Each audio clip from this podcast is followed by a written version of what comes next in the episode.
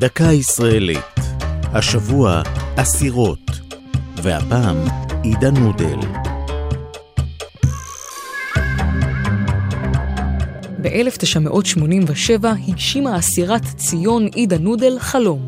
מטוסה נחת בנתב"ג ורגליה דרכו על אדמת ארצנו. במהלך חייה ניסתה לעלות ארצה פעמים רבות, אך כל בקשותיה לצאת מברית המועצות נדחו. ניסיון של יהודים אחרים מארצה לחטוף מטוס ובאמצעותו להגיע לארץ, עורר בה השראה להקדיש את כל זמנה לחזון הציוני.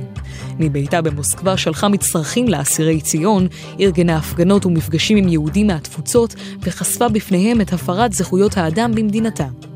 הרשויות הסובייטיות זעמו, והשירות החשאי קג"ב חקר אותה לא פעם.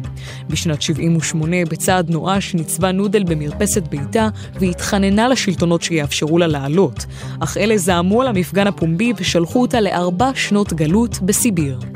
תנאי מאסרה היו קשים מנשוא והם תועדו בסרטון שנשלח למערב. כך זכתה לתמיכה רבה בעולם, בין היתר מצד נשיא ארצות הברית בעת ההיא, רונלד רייגן, ומרגרט תאצ'ר, ראש ממשלת בריטניה. עידה נודל, כיום בת 89, היא אחת מכ-450 אסירות ציון. זו הייתה דקה ישראלית על אסירות ועידה נודל. כתבה והפיקה אור זועי סולומוני. ייעוץ הפרופסור יונתן דקל חן. עורך ליאור פרידמן.